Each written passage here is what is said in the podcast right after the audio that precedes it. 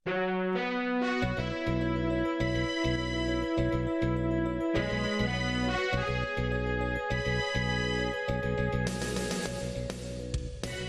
is Radio Free Asia. The following program is in Burmese. ။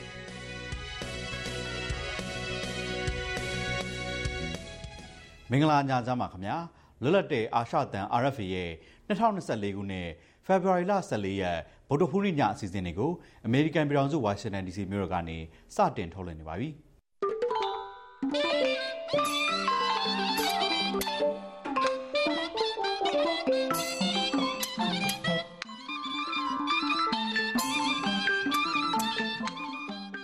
ကျွန်တော်ကရဲကောင်မြန်မာပါ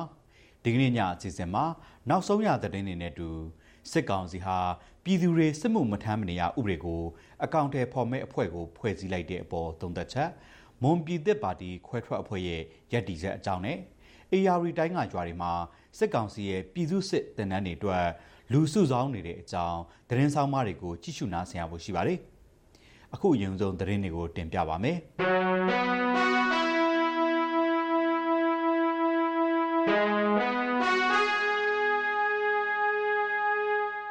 အာဏာသိမ်းထားတဲ့စစ်ကောင်စီဟာတရားမဝင်တဲ့အတွက်ဥပဒေအကြောင်းတွေကိုပြောဆိုခွင့်မရှိဘူးလို့လူပောင်တဲ့ဒီမိုကရေစီပါတီ DPNS ကဖေဖော်ဝါရီလ14ရက်မှာထုတ်ပြန်တဲ့သဘောထားထုတ်ပြန်ချက်မှာဖော်ပြထားပါတယ်။စစ်ကောင်စီကပြည်သူ့အစစ်မှုထမ်းဥပဒေကိုဖေဖော်ဝါရီလ10ရက်နေ့မှာအသက်သွင်းပြီးတဲ့နောက် DPNS ကအခုလိုထုတ်ပြန်လာတာဖြစ်ပါတယ်။2008ခုနှစ်ဖွဲ့စည်းပုံအခြေခံဥပဒေဟာစစ်ကောင်စီအာဏာသိမ်းခဲ့လို့ပြက်ပြယ်သွားပြီဖြစ်ပေမဲ့ ဒါကိုပြန်ပြီးအသုံးပြုနေတာဟာပိုပြီးတရားဝင်မှုမရှိစေဘူးလို့ DBNS ကဆိုပါတယ်စစ်ကောင်စီရဲ့ပြည်သူ့စစ်မှုထမ်းဥပဒေဟာလူထုကိုဖမ်းဆီးပြီးငွေညှစ်ဖို့မတည်ငြိမ်မှုတွေပိုပြီးပြင်းထန်လာစေဖို့နဲ့တိုင်းပြည်ကိုဖျက်ဆီးစေဖို့ဖြစ်နေတယ်လို့ DBNS ကရေးသားထားပါတယ်ဒါနဲ့ပတ်သက်ပြီးတုံ့ပြန်ချက်သိရဖို့အတွက်စစ်ကောင်စီရဲ့ပြောခွင့်ရဗိုလ်ချုပ်ဇော်မင်းတို့ကို RFA ကဖုန်းနဲ့ဆက်သွယ်ခဲ့ပေမဲ့လက်ခံဖြေဆိုတာမရှိပါဘူး။ ဗိုလ်ချုပ်ဇော်မင်းထွန်းကတော့ပြည်သူ့စစ်မှုထမ်းဥပဒေဟာကာကွယ်ရေးအင်အားကောင်းလာစေဖို့ဒီမိုကရေစီစနစ်ကိုကာကွယ်ဖို့နိုင်ငံတည်ငြိမ်အေးချမ်းစေဖို့နဲ့စစ်ဘရင်ဝါဒတိုက်ဖြတ်ဖို့အတွက်ဖြစ်တယ်လို့ဖေဖော်ဝါရီလ12ရက်နေ့ကပြောဆိုခဲ့ပါတယ်။အာနာသိန်း3နှစ်ကျော်လာတဲ့အချိန်မှာတော့စစ်ကောင်စီဟာ2020ခုနှစ်ကပြဋ္ဌာန်းခဲ့တဲ့ပြည်သူ့စစ်မှုထမ်းဥပဒေနဲ့အရန်တပ်ဖွဲ့ဥပဒေတွေကို2024ခုနှစ်ဖေဖော်ဝါရီလထဲမှာထပ်ပြီးထုတ်ပြန်ခဲ့တာဖြစ်ပါတယ်။ စစ်ကောင်စီတပ်ရဲ့အမှတ်6စစ်စင်ရေးကုတ်ကဲမှုဌာနချုပ်စကခကိုအခြေစိုက်တဲ့ကြောက်တော်မျိုးကိုရခိုင်တပ်တော် AA ကအပိသက်ထိန်းချုပ်ထားတဲ့အကြောင်းဖေဖော်ဝါရီလ23ရက်မနေ့ညကဓာတ်ပုံနေနဲ့အတူထုတ်ပြန်လိုက်ပါတယ်ဒီဓာတ်ပုံနေထဲမှာ AA တပ်သားတွေဟာအနောက်ပိုင်းတိုင်းစစ်ဌာနချုပ်ကြောက်တော်တပ်နယ်မြို့နယ်တရားရုံးမြို့မရဲစခန်းတွေအပြင်အခြားစစ်ကောင်စီရုံးတွေနဲ့ကစ္စပနရီသရားပေါ်မှာနေရာယူထားတာကိုတွေ့ရပါတယ်။ ကြောက်တော်မြို့မှာရှိတဲ့စစ်ကောင်စီတပ်ရင်းအလုံးနဲ့မြို့ကိုပါဖေဖော်ဝါရီလ6ရက်နေ့ကစပြီးတင်ပိုက်ခဲ့တယ်လို့စစ်ကောင်စီရေးတဲ့ကန်းထိုးဇက်ရည်ရင်3စီးကိုလည်းနစ်မြုပ်အောင်တိုက်ခိုက်နိုင်ခဲ့တယ်လို့ဆိုပါတယ်။မြို့ကို AA ကထိန်းချုပ်ထားပေမဲ့စစ်ကောင်စီတပ်ရဲ့လေကြောင်းအန္တရာယ်စိုးရိမ်ရသေးတာကြောင့်ဒေသခံအချို့ကတော့မြို့ထဲမလာရဲကြသေးဘူးလို့ပြောပါတယ်။ ဖေဖော်ဝါရီလ17ရက်ကလည်းကြောက်တော်မြို့ကိုစစ်ကောင်စီတပ်ကဂျက်တိုက်လေနဲ့လာရောက်ပစ်ခတ်ခဲ့တယ်လို့ဒေသခံတွေက RFA ကိုပြောပါတယ်။ရခိုင်ပြည်နယ်မှာစစ်ကောင်စီတပ်နဲ့ရခိုင်တပ်တော် AA တို့တိုက်ပွဲတွေဖြစ်ပွားနေတာ3လရှိပြီဖြစ်ပြီးပေါက်တော်မင်းများမြောက်ဦးကြောက်တော်မောင်းတော်နဲ့တောင်ပြိုမြို့တွေအပြင်ချင်းပြည်နယ်ပလက်ဝမြို့ကိုပါ AA ကသိမ်းပိုက်ထားတာဖြစ်ပါတယ်။ ရှမ်းပြည်နယ်တောင်ပိုင်းဖဲခုံမြို့နယ်ရွှေစန်းရွာနာမှာဖေဖော်ဝါရီလ23ရက်နေ့လယ်ပိုင်းကလက်နက်ကြီးကြီးကြားရောက်ပောက်ကွဲခဲ့တာကြောင့်ကျောင်းသူတဦးအပါအဝင်၃ဦးသေဆုံးခဲ့ပြီး2ဦးဒဏ်ရာရခဲ့တယ်လို့ကရင်နီစစ်ဘေးဒုက္ခသည်ကူညီရေးအဖွဲ့တာဝန်ရှိသူတို့က RFA ကိုပြောပါတယ်။သေဆုံးသူတွေထဲမှာအသက်18နှစ်အရွယ်ကျောင်းသူတဦးပါဝင်ပြီးကျန်တဲ့သူတွေကတော့အသက်30ကျော်နဲ့50ကျော်အရွယ်အမျိုးသမီးတွေဖြစ်တယ်လို့ဆိုပါတယ်။ရွှေစန်းရွာအနီးမှာလွိုင်ကော်နဲ့စီဆိုင်မြို့တွေကနေထွက်ပြေးလာတဲ့ဒုက္ခသည်အနည်းဆုံး2000လောက်နေထိုင်နေကြတယ်လို့ KND စစ်ဘေးဒုက္ခသည်ရေးကူညီပေးနေသူတွေကပြောပါတယ်။ကယားပြည်နယ်ခေါ်ကရင်ပြည်နယ်ရှမ်းပြည်နယ်အခြေစိုက်သတင်းမီဒီယာအချို့မှာလည်းဖဲခုံမြို့နယ်အခြေစိုက်စစ်ကောင်စီတပ်ကနေလက်နက်ကြီး၅လုံးပစ်ခတ်ခဲ့တာကြောင့်အမျိုးသမီး၃ဦးသေဆုံးခဲ့တဲ့အကြောင်းရေးသားထားကြပါတယ်။ဖဲခုံမြို့မှာအရှေ့ပိုင်းတိုင်းစစ်ဌာနချုပ်လက်အောက်ခံအမှတ်ခုနှစ်စစ်စင်ရေးကုကဲမှုဌာနချုပ်အခြေစိုက်တာဖြစ်ပါတယ်။လက်နက်ကြီးကြောင့်အမျိုးသမီး၃ဦးသေဆုံးခဲ့တဲ့အပေါ်တုံ့ပြန်မှုရဖို့စစ်ကောင်စီရဲ့ရှမ်းပြည်နယ်ပြောခွင့်ရသူစီးပွားရေးဝန်ကြီးဦးခွန်သိန်းမောင်ကို RFA ကတယ်လီဖုန်းနဲ့ဆက်သွယ်ခဲ့ပေမဲ့လက်ခံဖြေဆိုတာမရှိပါဘူး။တိုးတက်သောကရင်ပြည်သူ့အင်အားစု PKPF ရဲ့ဖေဖော်ဝါရီလ၁ရက်နေ့ထုတ်ပြန်ချက်အရစစ်အာဏာသိမ်း၃နှစ်အတွင်းမှာရှမ်းပြည်နယ်တောင်ပိုင်းမိုးပြဲဖဲခုံပင်လောင်းနဲ့ကယားပြည်နယ်မှာစစ်ကောင်စီတပ်ကဖမ်းဆီးတပ်ဖြတ်တာအပြင်လေကြောင်းနဲ့လက်နက်ကြီးပစ်ခတ်မှုတွေကြောင့်အရက်သား450ကျော်သေဆုံးခဲ့တယ်လို့သိရပါတယ်။မကွေးတိုင်းတောင်တွင်းကြီးမြို့နယ်မှာဖေဖော်ဝါရီလ12ရက်ကကြီးရွာအုပ်ချုပ်ရေးမှုအပါအဝင်၃ဦးကိုဒေသကုတ်ကဲရေးအဖွဲ့တွေပြစ်တက်ခဲ့တယ်လို့အဲ့ဒီအဖွဲ့တွေနဲ့ဒေသခံတွေကပြောပါတယ်။ အသက်ခံရသူတွေဟာပြင်ချောင်းကြီးရွာအုပ်ချုပ်ရေးမှုဦးညွန့်ဝင်းဦးတန်းဝင်းနဲ့ဦးမြင့်စော်တို့ဖြစ်ပြီးတောင်တွင်းကြီးမြို့မှာရှိတဲ့စားတောက်ဆိုင်ဆိုင်ကနေအပြန်မှာပြစ်တက်ခံခဲ့ရတာလို့ဆိုပါတယ်။သူတို့ဟာစစ်ကောင်စီတပ်သား30လောက်အထိုင်ချတပ်ဆွဲထားတဲ့ ပြင်ချောင်းရွာမှာပြည်သူစစ်တပ်နှန်းတွေအတွက်ဥဆောင်လုပ်ကင်နေသူတွေဖြစ်တယ်လို့မကွေးပျောက်ကြားတပ်ဖွဲ့တာဝန်ရှိသူကိုကန်ကြီးမောင်က RFA ကိုပြောပါတယ်။မကွေးပျောက်ကြားတပ်ဖွဲ့တောင်တွင်းကြီးအထူးပျောက်ကြားတပ်ဖွဲ့နဲ့ရေနံချောင်းတပ်ဖွဲ့တွေကလည်းအဲ့ဒီသုံးကိုသူတို့အဖွဲ့တွေကရှင်းလင်းခဲ့တာလို့ဖေဖော်ဝါရီလ23ရက်မှာထုတ်ပြန်ထားကြပါတယ်။ဒီကိစ္စနဲ့ပတ်သက်ပြီးတုံ့ပြန်မှုရဖို့စစ်ကောင်စီရဲ့မကွေးတိုင်းပြောခွင့်ရသူလူမှုရေးဝန်ကြီးဦးဝင်းရဲထွန်းကို RFA ကဆက်သွယ်မေးမြန်းတဲ့အခါတိုင်း ဒီကိစ္စတွေကိုသူမသိတဲ့အကြောင်းနဲ့ပြည်တော်စုအဆင့်ကသာထုတ်ပြန်လေးရှိတဲ့အကြောင်းအကြိမ်ကြိမ်ညင်းဆိုထားပါတယ်။တောင်တွင်းကြီးမြို့နယ်မိုင်20လောက်ဝေးပြီးအင်ဂျီတထောင်ခန့်ရှိတဲ့ပြင်ချောင်းရွာမှာ2021ခုနှစ်အေပီလာကလည်းအမျိုးသားဒီမိုကရေစီအဖွဲ့ချုပ် NLD ပါတီကိုထောက်ခံတဲ့နေအိမ်တွေမိရှုခံခဲ့ရတယ်လို့ဒေသခံတွေကပြောပါရခင်ဗျာ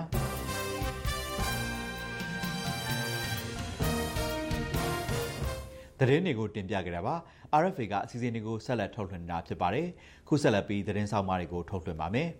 ပြည်သူတွေစစ်မှုမထမ်းမနေရဥပဒေကိုလက်တွေ့အကောင့်ထဲပေါ်မဲ့ပြည်သူစစ်မှုထမ်းဆင့်ခေါ်ရေးဗဟိုအဖွဲ့ကိုဖွဲ့စည်းလိုက်တဲ့အကြောင်းစစ်ကောင်စီကဖေဖော်ဝါရီလ23ရက်ညပိုင်းကထုတ်ပြန်ကြေညာခဲ့ပါတယ်။ဒီအကြောင်းအသေးစိတ်ကိုမတ်ထထအိန္ဒြာအောင်ကတင်ပြပါမယ်။ ပြည်သူတွေစစ်မှုမထမ်းမနေရဥပဒေကိုလက်တွေ့အကောင့်ထဲပေါ်မဲ့ပြည်သူစစ်မှုထမ်းစင့်ခေါ်ရေးဗဟိုအဖွဲ့ကိုဖွဲ့စည်းလိုက်ကြောင်းစစ်ကောင်စီကဖေဖော်ဝါရီလ23ရက်ညပိုင်းကအမိန့်ကြော်ညာစာထုတ်ပြန်ပါတယ်။အဲ့ဒီအဖွဲ့ကိုစစ်ကောင်စီရဲ့လက်ရှိကာကွယ်ရေးဝန်ကြီးဗိုလ်ချုပ်ကြီးတင်အောင်ဆန်းကဥက္ကဋ္ဌ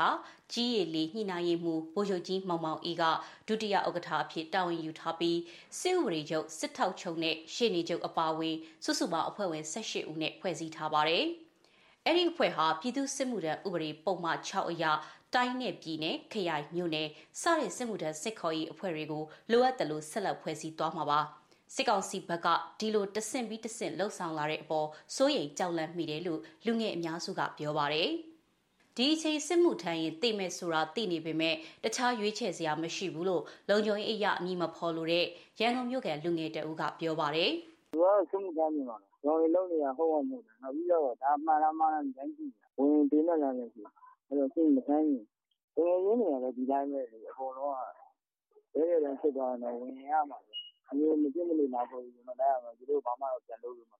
ဘူး သူတို့ကလည်းနဲ့နေတယ်သူတို့ပြည့်တဲ့ပညာရှင်မယ် ခွဲခါရမယ် ဒီလောက်နေနေဝင်တယ် ဒါပဲ အမည်လွယ်ကိုမင်းလွင်လို့ပေးထားသူမန္တလေးမြို့ကအသက်22နှစ်အရွယ်လူငယ်တဦးကတော့လက်ရှိအခြေအနေမှာ PDF တပ်ဖွဲ့တွေလည်းမဝင်ခြင်းစစ်တပ်ထဲလည်းမဝင်ခြင်းတာကြောင့်သူတို့လိုလူငယ်တွေမှာတခြားရွေးချယ်စရာလုံးဝမရှိတော့ဘူးလို့ RFA ကိုပြောပါတယ်ကျွန်တော်တို့အနေနဲ့ရွေးချယ်စရာလုံးဝမရှိဘူးစစ်ကောင်စီကချောင်းပိတ်ပြီးတက်ထဲဝင်ခိုင်းနေတာအာအခုဆိုရင်ဗျာနေရောညပါအပြင်မထွက်ရကြတော့ဘူးပေါ်တာဆွဲတာတွေလည်းအများများလာတော့အကုန်လုံးကြောက်နေကြတယ် တငယ်ချင်းတွေကတော့ PTA ထဲဝင်မယ်လို့တော့ပြောကြတယ်ကျွန်တော်ကတော့စစ်မတိုက်နိုင်လို့ဘာလို့ရမလဲမသိတော့ဘူးချင်းနေဖြစ်နေပြီ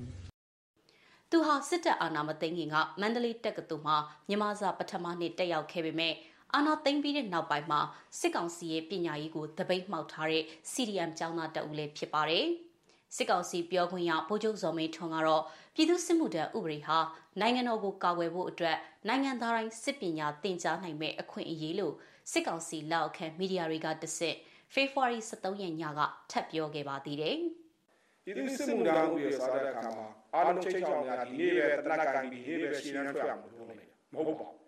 ကျွန်တော်တို့ professional စစ်သားတယောက် professional နိုင်ငံတော်ကာကွယ်ရေးတာဝန်ထမ်းဆောင်တဲ့သူတွေကိုစစ်ပညာနိုင်ငံတော်ကာကွယ်ရေးပညာအပြည့်အဝသင်ကြားပြီးမှကျွန်တော်တာဝန်ထမ်းဆောင်မှာဖြစ်ပါတယ် 2019ခုနှစ်တကောင်စရင်အရမြန်မာတနိုင်ငံလုံးမှာပြည်သူ့စစ်မှုထမ်းဥပဒေနဲ့အကျုံးဝင်တဲ့အမျိုးသားဦးရေ6.3တန်းနဲ့အမျိုးသမီး9.8တန်းစုစုပေါင်း14တန်းနီးပါးရှိတယ်လို့ဗိုလ်ချုပ်စောမင်းထွန်းကပြောပါတယ်။မြန်မာတနိုင်ငံလုံးမှာရက်ကွက်ပေါင်း3000ကျော်နဲ့ကျေးရွာပေါင်း6000ကျော်ရှိပြီးရက်ကွက်တစ်ခုမှာစစ်မှုထမ်းဖို့လိုအပ်သူတအုပ်နှစ်ဦးထက်မပိုနိုင်တာကြောင့်မိဘတွေစိုးရိမ်စရာမလိုဘူးလို့လည်းသူကဆိုပါတယ်။ အသက်23နှစ်အရွယ်သားတစ်ယောက်ရှိနေတာကြောင့်သားအတွက်စိုးရိမ်နေရတယ်လို့ရန်ကုန်မြို့ကန်ဦးဝေလွင်ဦးကပြောပါတယ်။မိဘတွေတော့စိတ်ပူတာပေါ့အင်မတန်ပါ။အဓိကရွေးချယ်စရာနှစ်ခုပဲရှိတယ်ပေါ့နော်။သားသမီးတွေကိုဟိုမိဘတယောက်အနေနဲ့နောက်ဆုံးပြောချင်တဲ့စကားကဘာလဲဆိုဘယ်လမ်းကိုရွေးမလဲ။အဲ့လိုမှမရွေးဘူးဆိုရင်တို့ဘယ်လိုဒါကိုတွန်းလှန်တိုက်ထုတ်မလဲဒီမေးခွန်းနှစ်ခုပဲရှိတယ်။ဟုတ်တယ်မလား။အဲ့တော့မိဘတွေကတော့ကြည်ပြီးတဲ့မိဘတယောက်မှရှိတာမဟုတ်ဘူး။ တယောက်မှလည်းကြည်ပြီးမှလည်း မဟုတ်ဘူး။လက်ရှိအနေအထားမှာ အကုန်လုံးကို သူကဟိုရုပ်မာဆုံးလမ်းကုန်လမ်းဆုံးသွားပြီ သူကသူလောက်တာစစ်ကောင်စီရဲ့ ပြည်သူစစ်မှုထမ်းဥပဒေမှာ မဖြစ်မနေ စစ်မှုထမ်းရမယ့်အသက်ကို အမျိုးသား အသက်18နှစ်ကနေ35နှစ်ကြားနဲ့ အမျိုးသမီးဆိုရင်တော့ အသက်18နှစ်ကနေ28နှစ်အထိ သတ်မှတ်ထားပါတယ်။ ရန်ကုန်နဲ့မန္တလေးမြို့ကန်တွေကတော့ဖေဖော်ဝါရီလ10ရက်စစ်မှုထမ်းဥပဒေကြေညာပြီးနောက်ပိုင်းရန်ကုန်နဲ့မန္တလေးမြို့မှာလူငယ်အများစုည8နာရီနောက်ပိုင်းအပြင်းထွက်သွားလာတာနေသွားတယ်လို့ပြောပါတယ်။ဗိုလ်ချုပ်စော်မင်းထွန်းကတော့ပြည်သူစစ်မှုထမ်းဥပဒေကိုလာမယ့်ဧပြီလတကြံရုံးပိတ်ရက်အပြီးမှာလက်တွေ့လှုပ်ဆောင်တော့မှာဖြစ်ပြီးတော့အပတ်စဉ်တစ်ခုတိုင်းအတွက်လူသစ်9000ခေါ်ယူသွားမယ်လို့သတင်းမီဒီယာတချို့ကိုပြောဆိုထားပါတယ်။ စစ်ကောင်စီလက်အောက်ခံမီဒီယာတွေကတော့ဒီကိစ္စကိုအတိအကျထုတ်မပြောသေးပါဘူး။အမျိုးသားညီညွတ်ရေးအစိုးရ NUG ကတော့စစ်မှုမထမ်းမနေရဥပဒေကိုပြည်သူတွေလိုက်နာစရာမလိုဘူးလို့ဖေဖော်ဝါရီလ23ရက်နေ့ကချက်ချင်းကြေညာချက်ထုတ်ပြန်ပြီးတော့တုံ့ပြန်ထားပါတယ်။နိုင်ငံတော်ဝန်စစ်ရေးရှုံးနေနေတဲ့စစ်ကောင်စီဟာစစ်မြေပြင်မှာပြည်သူတွေကိုလူသားတိုင်းဖြစ်အုံချဖို့ဒီဥပဒေကိုရည်ရွယ်ချက်ရှိရှိအသက်သွင်းလာတာလို့ဆိုပါတယ်။ စစ်မှုမထမ်းခြင်းနဲ့လူငယ်တွေလွတ်မြောက်နေမြေကိုထွက်ပြေးလာရင်ကိုကြီးဆောက်ရှောက်ဖို့ပြင်ဆင်နေတယ်လို့လည်းအမျိုးသားညီညွတ်ရေးအစိုးရ NUG ရဲ့ဝန်ကြီးချုပ်ရုံးပြောရေးဆိုခွင့်ရှိသူဦးနေပုံလက်ကပြောပါတယ်ကျွန်တော်တို့အခုအမှန်တိုင်းပြောရင်တော့လွတ်မြောက်နေမြေတွေရှိနေပါပြီတော်လိုင်းရင်အင်အားစုတွေရဲ့တော့ကျွန်တော်တို့ NUG ရဲ့နဲ့နှစ်ခုလုံးမှာဒါလွတ်မြောက်နေမြေတွေဒါ44မြို့နယ်ကျော်ရှိနေပြီပေါ့နော်အဲဒီလိုနေရာတွေလည်းရှိရပြင်တိုင်းသားနယ်မြေတွေလည်းရှိနေတဲ့အနေထားပေါ့နော်ဟောဒါတွေမှာအကယ်လို့များပြည်သူတွေအနေနဲ့ ဒီလိုနယ်မြေတွေကိုရောက်ရှိလာမယ်ဆိုရင်လည်းပဲကျွန်တော်တို့ဒီ NUG နဲ့တော့တိုင်းသားဒေါ်လာအင်အားစုတွေကပူးပေါင်းပြီးတော့ဘယ်လိုကူညီဆောင်ရှောက်မလဲဆိုတဲ့အစီအမံတွေလည်းကျွန်တော်တို့ဒါစဉ်းစားပြင်ဆင်နေတာတွေရှိနေပါပြီဗျစစ်ကောင်စီဟာပြည်သူတွေကိုပေါ်တာဆွဲစစ်မြေပြင်ကိုအတင်းကျပ်စီလွတ်ပြီးလူသားတိုင်းဖြစ်အသုံးပြုမဲ့ကိစ္စကိုဥပဒေနဲ့ညီတဲ့တရားဝင်တယ်လို့သုံးနှုံးချင်တာကြောင့်အခုလိုလှုပ်ဆောင်နေတာလို့ဦးနေဖုံလကဝေဖန်ပါတယ်။စစ်ကောင်စီဟာဖေဖော်ဝါရီလ23ရက်နေ့မှာပြည်သူ့စစ်မှုထမ်းစစ်ခေါ်ရေးဗဟိုအဖွဲ့ကိုဖွဲ့စည်းကြောင်းကြေညာတဲ့အပြင် အငိမ့်စားစစ်မှုထမ်းနဲ့နှုတ်ထွက်စစ်မှုထမ်းတွေကိုစစ်ကောင်စီတပ်မှ9နှစ်အထိစစ်မှုပြန်ထမ်းနိုင်တဲ့အရန်တပ်ဖွဲ့ဥပဒေကိုလည်းအတိပြုအသက်သွင်းကြောင်းကြေညာခဲ့ပါတယ်။စစ်မှုထမ်းဟောင်းတွေက ခေါ်တဲ့ခေါ်တိုက်သူတွေကိုပြန်ခေါ်ယူသွားမှဖြစ်ပြီးတော့စစ်မှုထမ်းမှုညှင်းဆန်မယ်ဆိုရင်တော့၃နှစ်ထက်မပိုတဲ့ထောင်ဒဏ်ဒါမှမဟုတ်ငွေဒဏ်နဲ့ဒဏ်နှစ်ရက်စလုံးကိုချမှတ်နိုင်တယ်လို့လည်းကြေညာချက်မှာဖော်ပြထားပါတယ်ရှင်။ RFA ရဲ့စီစဉ်တွေကိုဆက်လက်ထုတ်လွှင့်နေတာဖြစ်ပါတယ်။ မွန်ပြည်သစ်ပါတီရဲ့စစ်ရေးနိုင်ငံရေးထိပ်ပိုင်းခေါင်းဆောင်အချို့ခွဲထွက်ပြီးဖွဲ့စည်းလိုက်တဲ့မွန်ပြည်သစ်ပါတီစစ်အာဏာရှင်တိုက်ဖြတ်ရေးအဖွဲ့ဟာစစ်ကောင်စီနဲ့တွိတ်ဆုံဆွေးနွေးတာတွေဆက်မလုပ်တော့ပဲတော်လှန်ရေးအဖွဲ့အစည်းတွေနဲ့ပဲပူးပေါင်းပြီးအာဏာသိမ်းစစ်တပ်ကိုတိုက်ခိုက်သွားမယ်လို့ဒီကနေ့ထုတ်ပြန်ကြေညာလိုက်ပါတယ်။ဒီအကြောင်းအပြည့်စုံကိုတော့ RFA သတင်းတောက်မတ်သစင်လိုင်းကတင်ပြထားပါတယ်။ မွန်ပြည်သစ်ပါတီကနေခွဲထွက်ဖွဲ့စည်းလိုက်တဲ့မွန်ပြည်သစ်ပါတီဆီယနာရှင်တိုက်ဖြတ်ရေးအဖွဲ့ကစစ်ကောင်စီနဲ့တွဲဆုံဆွေးနွေးတာတွေဆက်မလုပ်တော့ဘဲနဲ့တော်လိုင်းရေးဖွဲ့စည်းတွေနဲ့ပူးပေါင်းပြီးတော့အာဏာသိမ်းစစ်တပ်ကိုတိုက်ခိုက်သွားမယ်လို့ဖေဖော်ဝါရီ14ရက်နေ့ဒီကနေ့မှာထုတ်ပြန်ကြေညာပါတယ်။ဝန်ပြည်သစ်ပါတီအနေနဲ့တနိုင်ငံလုံးပြစ်ခတ်တိုက်ခတ်မှုရစဲရေးသဘောတူစာချုပ် NCA သဘောတူညီချက်အရနိုင်ငံရေးပြဿနာတွေကို နိုင်ငံရေးနှီးရအပြေရှားဖို့အားထုတ်ခဲ့ပြီးတော့စစ်ကောင်စီနဲ့၃ချိန်တိုင်းဆွေးနွေးခဲ့ပေမဲ့မျှော်မှန်းတဲ့ရလဒ်တွေလုံးဝမရရှိခဲ့ဘူးလို့လည်းထုတ်ပြန်ချက်မှာရေးသားထားပါတယ်ဒီလိုမျှော်မှန်းချက်တွေမရရှိတာကြောင့်ဆီအာနာရှိကိုတိုက်ဖြတ်ချေမုံမှသာရွေချက်ပန်းတိုင်ကိုရောက်နိုင်မယ်လို့မွန်ပြည်သစ်ပါတီဆီအာနာရှိတိုက်ဖြတ်ရေးရဲ့ဒုတိယအဖွဲ့ခေါင်းဆောင်တစ်နိုင်ပညာလေကအာရဖီကိုပြောပါတယ်ဒီအာနာသိန်းစစ်ကောင်စီနဲ့နိုင်ငံရေးနီလန်အရာဆွေးနွေးတော်ညာလဲဘာမှတော့ ဟိုမြန်မာတဲ့ရလတွေမထွက်ပေါ်လာဘူးဒါကြောင့်မို့ကျွန်တော်တို့ဒီမြန်မာနာတဲ့ဖက်ဒရယ်ပြည်တော်စုတည်ဆောက်ရေးအမျိုးသားတန်းတူရေးကိုယ်ပိုင်ပြဋ္ဌာန်းခွင့်ရရှိရေးတွေကိုရောက်နိုင်ဖို့အတွက်ဒီစစ်အာဏာရှင်ကိုတိုက်ဖြတ်ချေမှုမှပဲကျွန်တော်တို့လူလာတဲ့ပန်းတိုင်ကိုရောက်ရှိနိုင်လိမ့်မယ်လို့တော့ကျွန်တော်တို့မြင်တယ် စစ်ကောင်စီတပ်အနေနဲ့မွန်ပြည်နယ်မှာပြည်သူတွေကိုဖမ်းဆီးတပ်ဖြတ်မှုလက်နက်ကြီးနဲ့ပစ်ခတ်တာလေကြောင်းတိုက်ခိုက်မှုနဲ့နေအိမ်မီးရှို့မှုတွေဇက်တိုက်လုပ်နေတာကြောင့်စစ်ကောင်စီနဲ့နိုင်ငံရေးအရဆက်လက်ဆွေးနွေးမှုတွေမဖြစ်နိုင်တော့ဘူးလို့လည်းထုတ်ပြန်ချက်မှာဖော်ပြထားပါတယ်။အမျိုးသားညီညွတ်ရေးဆိုရ NUG ဝင်ကြီးချုပ်ယုံပြောခွင့်ရသူဦးနေဖုံးလက်ကတော့ဆီယနာရှင်တိုက်ဖြတ်ရေးမှာပါဝင်လာတာကိုကြိုဆိုပြီးတော့ပူးပေါင်းဆောင်ရွက်နိုင်ဖို့ကိုလည်းမျှော်လင့်တယ်လို့ပြောပါတယ်။ဟုတ်ဒီလောက်ရအတွက်ကျွန်တော်တို့ကတော့ကြိုဆိုပါတယ်။ဘာဖြစ်လို့လဲဆိုတော့ဒီ စေအုပ်စုကလည်းပဲသူတို့ရဲ့တေးဥမှန်ကိုဒါပြနေပြီပေါ့နော်။ဘယ်လိုနည်းနဲ့မှဒီစေအုပ်စုနဲ့ကကျွန်တော်တို့က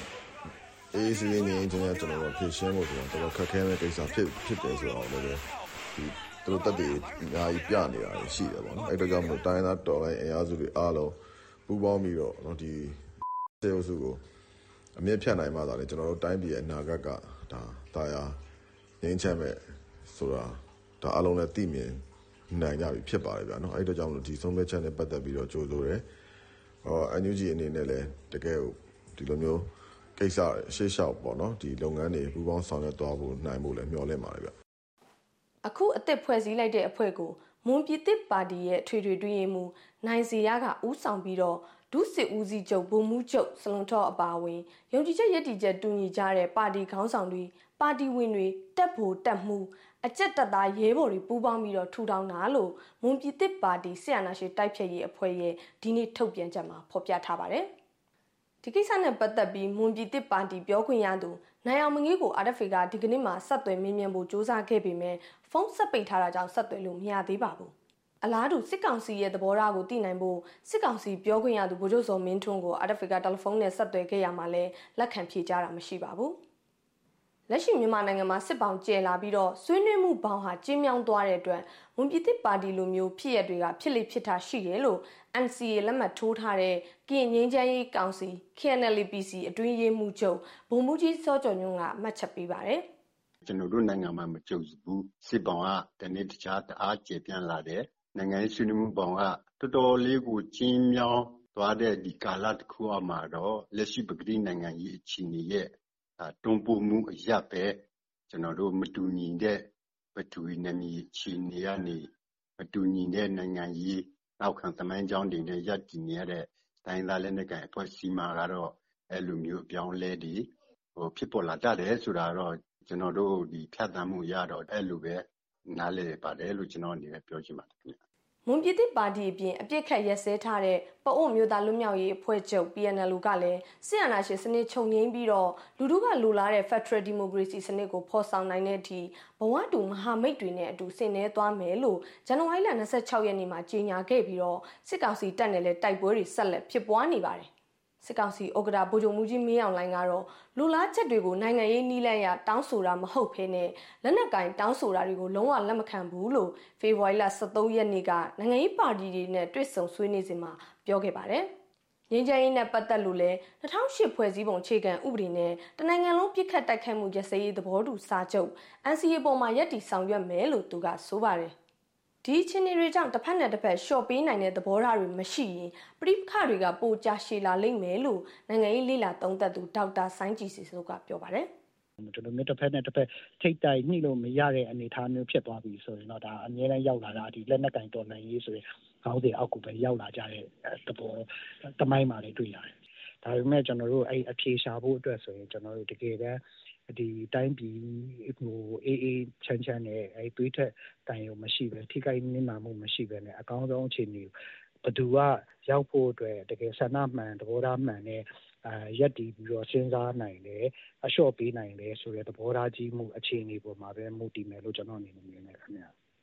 NCA လက်မှတ်ထိုးထားတဲ့တိုင်းသားလက်နက်ကိုင်10ဘွဲ့ရှိတဲ့နဲ့အာနာသိမ့်မိနောက်ကရင်မျိုးသားစီယုံ KNU ချင်းမျိုးသားတပ်ဦး CNF နဲ့မြန်မာနိုင်ငံလုံးဆိုင်ရာចောင်းသားများဒီမိုကရက်တစ်တပ်ဦး ABSDF စစ်ကောင်စီတပ်နဲ့တိုက်ပွဲတွေဖြစ်ပွားနေတာပါ NCA လက်မှတ်ရေးထိုးပြီးတော့အပြစ်ရထားတဲ့ PNLO အဖွဲ့နဲ့လည်းရှမ်းပြည်နယ်တောင်ပိုင်းမှာစစ်ကောင်စီတပ်နဲ့တိုက်ပွဲတွေဆက်လက်ဖြစ်ပွားနေပါတယ်စစ်တပ်ကအာဏာသိမ်းထားတဲ့အချိန်3နှစ်အတွင်းမှာတော့နိုင်ငံတော်ကမြို့နယ်ပေါင်း330ရှိတဲ့အထက်မှာ 221မြို့နယ်မှာတိုက်ပွဲတွေဖြစ်ပွားခဲ့တယ်လို့မြမမဟာဗျူဟာနဲ့မူဝါဒရေးရာလေ့လာရေး Institute ISP မြန်မာကဇန်နဝါရီလထဲမှာထုတ်ပြန်ထားပါတယ်ရှင်။ RFA ရဲ့အစီအစဉ်လေးကိုဆက်လက်ထုတ်လွှင့်နေပါတယ်ခင်ဗျာ။ပြည်သူစစ်တင်နန်းတွေအတွက် AR တိုင်းကရွာတွေမှာလူတွေကောက်ခံနေတယ်လို့ဒေသခံတွေက RFA ကိုပြောပါတယ်။စစ်ကောင်စီမှာအင်အားနည်းလာတဲ့အတွက်စစ်သားတွေစုဆောင်းနေတာလို့လည်းနိုင်ငံရေးအင်အားစုတွေဘက်ကထောက်ပြကြပါတယ်။ ဒီအကြောင်းသတင်းအပြည့်အစုံကို RFA ဝိုင်းတော်သူမတ်ဂျူလိုက်မျိုးကတင်ပြပါလိမ့်မယ်ခင်ဗျာ။ AR တိုင်းတွေကကြုံပြော်မြန်အောင်ကြံခင်းကြိုက်လက်နဲ့မော်လမြိုင်ကျွန်းမြို့နယ်တွေမှာပြီးခဲ့တဲ့ January လကစပြီးတော့ပြည်သူစစ်တင်တန်းတက်ဖို့မဲနိုင်ခေါ်ယူတာတွေလုပ်နေတယ်လို့ဒေသခံတွေကပြောပါတယ်။ဒါဟာစစ်အင်အားဖြည့်ဖို့အတွက်စုဆောင်းနေတာလို့လုံခြုံရေးအရာနာမည်မဖော်လို့တဲ့လွတ်တော်ကိုယ်စားလှယ်တယောက်က RFA ကိုပြောပါတယ်။ဟိုရှိတယ်မှာသူတို့ရဲ့စသားကြီး အလုံးနဲ့တွေ့နေကြတဲ့အတိုင်းပဲရနေချအညံခန္ဓာတွေနိုင်ငံသားကိုထွက်ပြေးတာတွေတော့ရှိတယ်မှာကြာဆုံးတာတွေပေါ့။အဲ့လိုမျိုးဖြစ်နေတဲ့အတွက်သူတို့မှစစ်သားလူဝဲချက်အရင်မြင်မာနေတယ်ပေါ့။နောက်တစ်ချက်ကတော့ကျွန်တော်တို့ AR ကသူတို့စိုးမိုးနိုင်တဲ့သူတို့အုပ်ချုပ်နိုင်တဲ့နေရာဖြစ်နေတဲ့အခါအဲအဲဒီနေရာမှာပဲသူတို့အဓိကနော်စစ်သားလိုအပ်ချက်အတွက်စစ်သားရှာဖွေတာပေါ့လေ မဲပေါက်ပြီးစစ်ထဲမလိုက်နိုင်တဲ့သူတွေကိုငွေ10သိန်းအထိတောင်းတာလည်းရှိတယ်လို့ဒေသခံတွေက RFA ကိုပြောပါတယ်။ကြိုက်လက်မြို့နယ်မှာတော့ကြေးရွာကာကွယ်ရေးအဖွဲ့ဖွဲ့ဖို့ဆိုပြီး January လကစလို့ရက်ကျေးအုပ်ချုပ်ရေးမှုတွေကနေတဆင့်ပြည်သူစစ်တင်တန်းတက်ဖို့လူ100လောက်စုဆောင်းနေတယ်လို့အဲ့ဒီအထက်ကလူ30လောက်ကိုတင်တန်းပေးနေပြီလို့ဒေသခံတယောက်ကပြောပါတယ်။အဲသူတို့ကိုရည်အုပ်ချုပ်မှုရဘယ်လိုပြောပြီးစုဆောင်းနေလဲဆိုလို့ရှိရင် PDF တွေကအကိုကိုလာမတက်ခင်ကိုကလည်းဦးအောင်တက်နိုင်မှုအဲဒီလိုတင်နန်းတွေကိုတက်ထားမယ်ဆိုတဲ့ဟာလေးပေါ့နော်အဲကိုရွာကိုကိုမျိုးကာကွယ်ဖို့ဆိုတဲ့ဟာမျိုးတွေနဲ့သူတို့ကအဲဖိအားတွေပေးပြီးတော့စုဆောင်းနေရတယ်ဖြစ်ပါတယ်မော်လမြိုင်ကျွန်းမြို့နယ်မှာလည်း January လဆန်းပိုင်းကစပြီးခလာရ934တက်ရင်မှာစစ်တင်တန်းတက်ဖို့ခေါ်နေပြီးမလိုက်ရှင်သူကတော့ငွေ10သိန်းအထိပေးရတယ်လို့အဲ့ဒီဒေသခံကပြောပါတယ်။အလားတူပဲကြုံပြော်မြို့နယ်ကရွာတွေမှာလည်း January လကစပြီးတော့ပြည်သူစစ်တင်တန်းအတွက်တရွာကိုလူ10ယောက်လောက်အထိခွန်နေတယ်လို့ဒေသခံတယောက်က RFA ကိုပြောပါတယ်။ဒီတော့ကရအဲ့လိုပေါ့နော်မလိုက်ဘူးပေါ့နော်မလိုက်ငွေထည့်ရမယ်ဆိုတော့ငွေလောက်ဘူးတော့သူပေးနိုင်တယ်သူကတော့မလိုက်နိုင်ဘူးပေါ့ပေါ့နော်အလုံးကြောင်းအကြောင်းပြလို့မရှိဘူးလို့တော့ညင်းတားသမီးရှိတဲ့လူတွေဆိုရင်တော့ခကြီးသွားနေကြတာများတယ်အဲ့လိုရှောင်းထွက်ကုန်ပြီပေါ့နော်မြန်အောင်မြို့နယ်မှာလည်းတရက်ကွက်ကိုအနည်းဆုံးလူ3ယောက်စည်ရင်ပေးဖို့ညွှန်ကြားထားတာကြောင့်ဒေသခံတွေစိုးရိမ်နေကြပါတယ်။ ကြံကင်းမြို့နယ်မှာလည်းလူ30ရွေးချယ်ပြီးတော့မြန်အောင်နဲ့ပသိမ်မှာစစ်တင်တန်းတလာခွဲတက်ဖို့ပြည်သူစစ်ခေါင်းဆောင်ကဖေဖော်ဝါရီလ4ရက်နေ့ကလိုက်ပြောနေတယ်လို့ဒေသခံတယောက်က RFA ကိုပြောပါတယ်။ပသိမ်ခရိုင်မှာလည်းပြည်သူစစ်တင်တန်းတက်ဖို့အတွက်တမျိုးနယ်ကိုအယောက်90နှုန်းလောက်နဲ့ခေါ်နေတယ်လို့လုံခြုံရေးကြောင့်အမည်မဖော်လို့တဲ့ဒေသခံတယောက်ကပြောပါတယ်။ချောင်းတောင်ငွေတောင်ပသိမ်အဲ့ဟိုကန်ကြီးတော့ပါညာအဲ့ရည်လည်းပါပြီးတော့မနေ့ကတော့တင်တန်းတွေခေါ်ပြီးရရှိတယ်ဟောဒီမျိုးနယ်အကုန်လုံးခုနှစ်မျိုးနယ်လုံးမှာဆိုရင် ညနေတမျိုးနယ်အနည်းဆုံး90လောက်တော့ရှိတယ်တချို့မျိုးနယ်တွေကပုံများနိုင်တယ်ကြောင်ကုန်းတို့ပါလို့ဆိုလို့ရှိရင်ဒီလူစစ်အင်အားကစစ်ကောင်စီထောက်ခံတဲ့အင်အားကောင်းတယ်လေစစ်တင်တန်းကိုပသိမ်မျိုးကခလာရ281တက်ရင်အနောက်တောင်တိုင်းစစ်ဌာနချုပ်မှာပေးနေတာလို့ဒေသခံတွေကပြောပါတယ်ပြည်သူစစ်တင်တန်းစင်းတွေကိုလူသားတိုင်းအဖြစ်အသုံးချတာတွေလည်းရှိနေတယ်လို့အမျိုးသားညီညွတ်ရေးအစိုးရပြောခွင့်ရဦးနေဖုံးလက်ကပြောပါတယ် ကျွန်တော်တို့ရရှိထားတဲ့သတင်းရဆိုရင်လည်းချို့သောနယ်မြေတွေမှာဒီလိုပြည်သူစစ်အနေနဲ့စုဆောင်းထားတဲ့သူအချို့ကိုဒီရှေ့ရနေပြီးတော့ဒီတွားခိုင်းတာမျိုးပေါ့နော်လူသားတိုင်းလောက်တာမျိုးတွေလည်းကြုံတွေ့ခဲ့ရပြီးတော့အဲ့မှာလည်းကြာဆုံးမှုတွေလည်းအများအပြားရှိခဲ့တယ်ဆိုတဲ့သတင်းတွေလည်းကျွန်တော်တို့ကြားသိထားရတာရှိပါတယ်ဗျစစ်ကောင်စီပြောခွင့်ရသူဗိုလ်ချုပ်စော်မင်းထွန်းကတော့ဒီနေ့ဖြစ်နေတဲ့အခြေအနေအရပြည်သူအလုံးပါဝင်တဲ့အမျိုးသားစစ်မှုထမ်းစနစ်မဖြစ်မနေကျင့်သုံးဖို့လိုအပ်လာတယ်လို့ စစ်ကောင်စီရဲ့ပြည်သူစစ်မှုထမ်းဥပဒေအသက်ဝင်တဲ့အကြောင်းကြေညာပြီးဖေဖော်ဝါရီလ10ရက်နေ့မှာစစ်တပ်မီဒီယာတွေကနေတဆင့်ပြောဆိုထားပါတယ်။ဒီဥပဒေကြေညာလိုက်တဲ့အချိန်ကစပြီးတော့မိဘတွေနဲ့လူငယ်တွေကြားမှာစိုးရိမ်သောကတွေများနေတာလည်းတွေ့ရပါတယ်ရှင်။လွတ်လပ်တဲ့အာရှတန် RFA ရဲ့စီစဉ်တွေကိုဆက်လက်ထုတ်လွှင့်နေတာဖြစ်ပါတယ်။ကချင်ပြည်နယ်ပူတာအိုခရိုင်မွန်းညင်းခရိုင်နဲ့ဝိုင်းမော်မြို့နယ်တွေမှာပြည်သူ့စစ်အဖွဲ့တွေနဲ့ရှမ်းနီအမျိုးသားတပ်မတော် SNA တို့ 2023ခုနှစ်နှစ်ကုန်ပိုင်းလောက်ကစတင်ပြီးအာရမဖန်စီလူသစ်စုဆောင်းတာတွေရှိနေတာကြောင့်ပြည်သူလူထုတွေအခက်အခဲဖြစ်နေကြတယ်လို့ဒေသခံတွေကပြောပါတယ်။ဒီအကြောင်းကို RFA ဝိုင်းတော်သူမတ်ဝေမာထုံးကတင်ပြပါလိမ့်မယ်။ကချင်ပြည်နယ်ဝိုင်းမော်မြို့နယ်မှာဥရွှေမင်းဦးဆောင်တဲ့လီစုပြည်သူစစ်ပူတာအိုခရိုင်မှာခေါင်လန်ဖူးဌာနေပြည်သူစစ်နဲ့မိုးညင်းမြို့နယ်မှာရှမ်းပြည်မျိုးသားတပ်မတော် SNA တို့ကအထမလူသစ်စုဆောင်းနေကြတယ်လို့ဒေသခံတွေကပြောပါတယ်။ ရှမ်းပြည် SNA တပ်တွေကအင်းတော်ကြီးဒေသနံမွန်းရွာမှာဇန်နဝါရီလ22ရက်နေ့ကစလို့လမ်းသွားလမ်းလာတွေကိုဖမ်းတာကျေးရွာအုပ်ချုပ်ရေးမှုတွေကနေတဆင့်လူစုတာတွေရှိနေတယ်လို့လုံခြုံရေးအရာနာမည်ထုတ်မပြောချင်တဲ့ဒေသခံတယောက်က RFA ကိုပြောပါတယ် အုပ်ချုပ်မှုတွေကလည်း အဲ့ဒါလို လမ်းမှာတွေ့တာအဲ့ဒါဖမ်းနေအဲ့ဒါပဲပြောထားတာလေ သွားတဲ့ဟာတွေအဲ့မှာလမ်းမှာအဲ့မှာ သွားတဲ့သူတွေ အကုန်လုံး ဖမ်းတာပါအဲ့မှာသူတို့ကတော့ အချိန်နဲ့ဖမ်းပြီးတော့ မိတာ အကုန်လုံးယူတာပါ အခက်အခဲဆိုတော့အဲ့နမွန်ဒနမွန်ကတွေကတော့ သူတို့ကြီးကုန်ကြပြီလေ နမွန်ရတယ်မှာ တောင်မနေရတော့ ဟိုပင်မြို့ မိုးညင်းမြို့တွင်မြို့ပြင်နဲ့ နမ်မားမြို့တွေမှာလည်း လမ်းသွားလမ်းလာတွေကို ဖမ်းတာတွေ ရှိတယ်လို့ ပြောပါတယ် အင်းတော်ကြီးမှာလည်းပြည်သူစစ်တဲမလိုက်ချင်တဲ့သူကပတ်စံသိန်းနဲ့ချီပြီးတော့ပေးရတယ်လို့နမ်မွန်းရွာကန်တယောက်ကပြောပါတယ်ဒီလိုကြီးတဲ့နေရာဒီရဖြစ်တဲ့အဲကြောင့်ကျွန်တော်အုပ်ချုပ်ရမယ်ဆိုတော့ပြောပြောတော့လမ်းသွားလမ်းလာတွေအကုန်လုံးတားမှမသူတို့ရချင်လို့ခေါ်တယ်ပေါ့အမျိုးလူဟာတချို့ပြန်ပြန်လွတ်မြောက်လာတယ်လွတ်မြောက်လာတဲ့မှာတချို့ကပတ်စံအဲစေသိန်းတော့ပေးရတယ်ပြောသူတို့ပြောသူတို့တောင်းတာ30တဲ့တောင်းတယ်ပြော ဦးတန်ကူးတန်ဦးဆောင်တဲ့ခေါင်လန်ဘူးဌာနေပြည်သူစစ်အဖွဲ့ကလည်းပြီးခဲ့တဲ့ဇန်နဝါရီလလယ်ပိုင်းကစလို့ပူတာအိုမြို့မှာတအိမ်တယောက်စစ်မှုထမ်းမှုလိုက်စီးယုံနေတယ်လို့နာမည်လျှို့ဝှက်ထားခြင်းနဲ့ဒေသခံတယောက်ကပြောပါတယ်နှစ်ပတ်လောက်တော့ရှိပြီသူဒီလိုစစ်စီလို့ရပြီပါတဲ့တဲ့နဲ့ခံနေများလောက်လာတဲ့ရောဝင်ပြီးတော့မှစီယုံလူငယ်ပိုင်းတွေကိုစီယုံတဲ့ဟာလောက်လာတယ်တင်လိုက်ထိုင်းဟာကထက်ရှန်ကောင်ဖက်မှာ လုပ်တယ်။ဒါပေမဲ့ဒီလောလောဆယ် ဖမ်းတာက အရင်တော့သူတို့ ပြည်သူစစ်တင်နဲ့ ဆင်းထားတဲ့ လူတွေ ပူတာအိုခရိုင် မချမ်းမောမြို့နယ် အင်ခါကားရွာက စစ်ကောင်စီတပ်နဲ့ ပြည်သူစစ်တွေ ဒီဇင်ဘာလမှာစောက်ခွာသွားသလို ခေါလံဖူးမြို့နယ်မှာရှိတဲ့ စစ်ကောင်စီလက်အောက်ခံ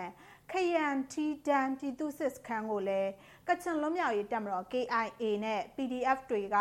2024ခုနှစ် ဇန်နဝါရီလက သိမ်းယူခဲ့ပါတယ်။ ဝိုင်းမော်မြို့နယ်မှာလည်းဥရွှေမင်းပြည်သူစစ်အဖွဲ့ကလူသစ်စုဆောင်းနေတဲ့အတွက်ပြည်သူတွေအခက်ခဲဖြစ်နေတယ်လို့အမိမဖော်ခြင်းတဲ့ဒေသခံတယောက်ကပြောပါတယ်သူတို့ကဝူရန်ဂိတ်ရယ်ဂျမ်ကာဂိတ်မာရယ်အောင်မြတဲ့ဂိတ်မာရယ်ကသူတို့လူသစ်စုတဲ့ကာလမှာဆိုရင်အဲဂိတ်တွေမှာတားပြီးမှလီဆူလူမျိုးတွေကအမှဖမ်းကြတာရှိရလူသစ်စုတဲ့ဟာရှိတက်ကြီးရွယ်အိုတွေကလေးအမေတွေကိုလည်းဖမ်းသွားပြီးတော့သူတို့မိသားစုတွေကထွက်ပြေးနေတဲ့လူငယ်လူလက်တွေနဲ့ပြန်လာလဲခိုင်းတာတွေရှိနေတယ်လို့ပြောကြပါတယ်။လူသစ်စုဆောင်းနေတယ်လို့ဒေသခံတွေကပြောတဲ့အပေါ် SNA ပြောရေးဆိုခွင့်ရှိသူဗိုလ်မှူးကြီးဆိုင်းအောင်မိန်ဝိုင်းမော်ကပြည်သူစစ်ခေါင်းဆောင်ဦးရွှေမင်းနဲ့ကချင်ပြည်နယ်ပြောရေးဆိုခွင့်ရှိသူလူမှုရေးဝန်ကြီးဦးတန့်စင်ကိုကိုတို့ကို RFA ကတယ်လီဖုန်းနဲ့ဆက်သွယ်ခဲ့ပေမဲ့လက်ခံဖြေကြားတာမရှိကြပါဘူး။ ဒီလောက်ရဟာပြည်သူအချင်းချင်းပြန်တိုက်ခိုင်းနေတာလို့မိုးကောင်းမြို့နယ်ပြည်သူလွှတ်တော်ကိုယ်စားလှယ်ဦးဝင်းနိုင်ကယူဆပါတယ်။ပြည်သူစစ်တွေဖြစ်ကျွန်တော်တို့အားတွေကိုဇုတ်ဆွဲခေါ်မယ်ဒီလူတွေကိုအတင်းသူတို့ဆန္ဒပါပါမပါပါဇုတ်ကိုလေ့ကျင့်ပေးမယ်လက်နဲ့ပြတ်ဆင်ပေးမယ်နောက်ဆုံးတော့ပြောရရင်တော့ကျွန်တော်တို့တော်လိုင်းဘက်တော်သားတွေပေါ်မှာ injection over တော့ခုတဲ့အစီအစဉ်လိုပဲနားလေတာပဲ ပြည်သူ့စစ်အဖွဲ့တွေအနေနဲ့ပြည်သူတွေအတွက်တကယ်အလုံးလုံးနေတာဆိုရင်ပြည်သူတွေအခက်အခဲဖြစ်တဲ့လူသစ်စုဆောင်းတာတွေကိုမလုပ်ဖို့ဒေသခံတွေကတောင်းဆိုနေကြပါတယ်ရှင်ဒီစီစဉ်နဲ့ပဲဗုဒ္ဓဟူးနေ့ညချမ်းအတန်လွင့်ချက်တွေကိုရန်နာခွင့်ပြုပါဒီနေ့ညစီစဉ်ကိုတာဝန်ခံအေတာဥတည်အောင်ခိုင်ထုတ်လုပ်ရေးမှုကိုချေကိုကျော်စင်တန်းတို့နဲ့တူ RFA ဝိုင်းတော်သူဝိုင်းတော်သားတွေပူးပေါင်းတင်ဆက်ခဲ့ကြတာပါကြည့်ရှုနားဆင်တဲ့အတွက်လည်းကျေးဇူးတင်ပါတယ်ခင်ဗျာ